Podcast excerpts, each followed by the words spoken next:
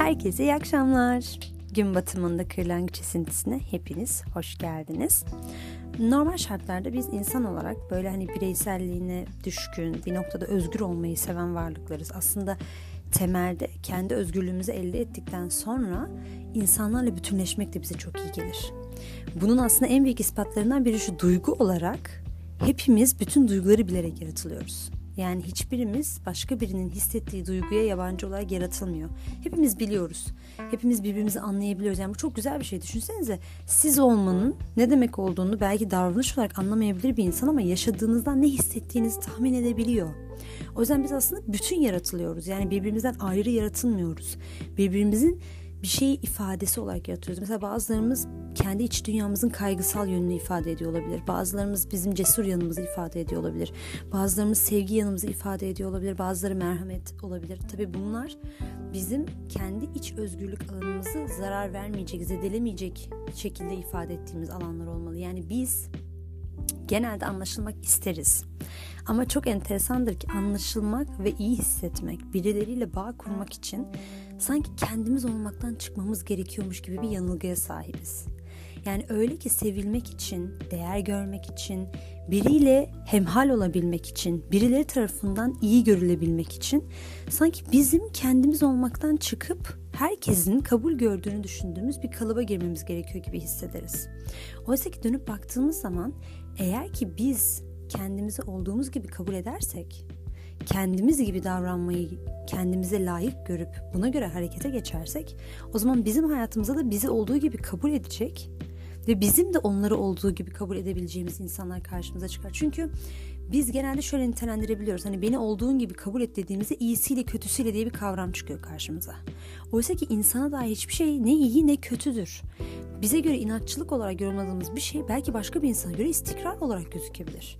Bize göre hassasiyet olarak yorumlayacağımız bir şey belki başkasına göre obsesyon olarak gözükebilir. Belki takıntı olarak gözükebilir. O yüzden hayatta her şey perspektif olarak yaşanır.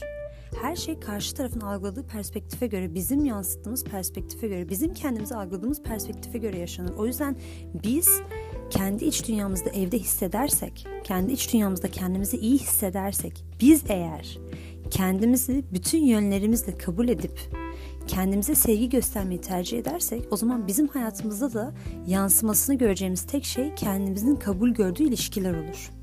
Çünkü biz içimizde neyi baskın bir şekilde yaşıyorsak dış dünyamızda onun baskınlık halini görmeye başlıyoruz.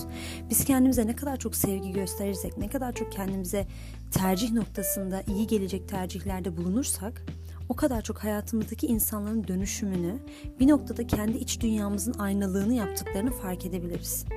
Çünkü biz her zaman isteriz. Deriz ki bazen bazı şeyleri keşke birileriyle yaşasak. Yani her zaman istediğimiz şey aslında kendimiz olarak var olmak ve bunu yaparken de bunu birileriyle paylaşabilmek, şeffaf.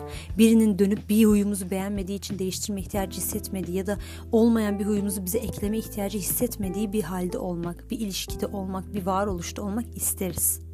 Biz hep kendimiz olmak isteriz, hep kendimize dönmek isteriz. Genelde bunu yapmakta zorlanmamızın sebebi kendimizin kabul görebilir, sevilebilir, değerli olabilir ihtimali vermiyor oluşumuz olur.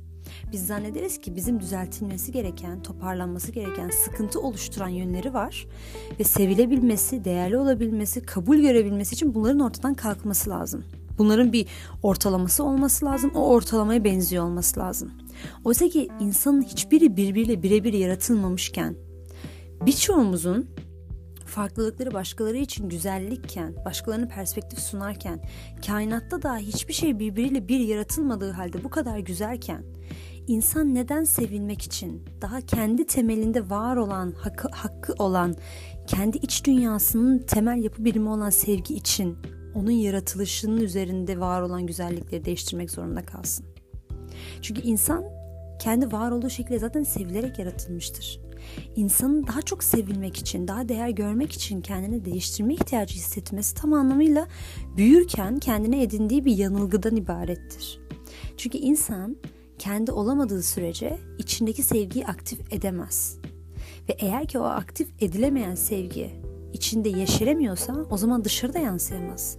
Dışarı yansımayan bir şeyi biz göremeyiz. Hani geçtiğimiz bölümlerde bahsetmiştim. İnsan aslında kendi içinde hissettiği duyguyu bir noktada dışına yansıtıyor. Bazen dışarıdan onu alıyor. Kendi iç dünyasına yansıtma yaptığı için ama ne olursa olsun insan kendini sevmediği sürece kendini insanların kabul edebildiği ve edemediği yönleriyle kabul edip sevmediği sürece kendisini tam anlamıyla var edebildiği ilişkilerde mutlu hissetmesi çok zor.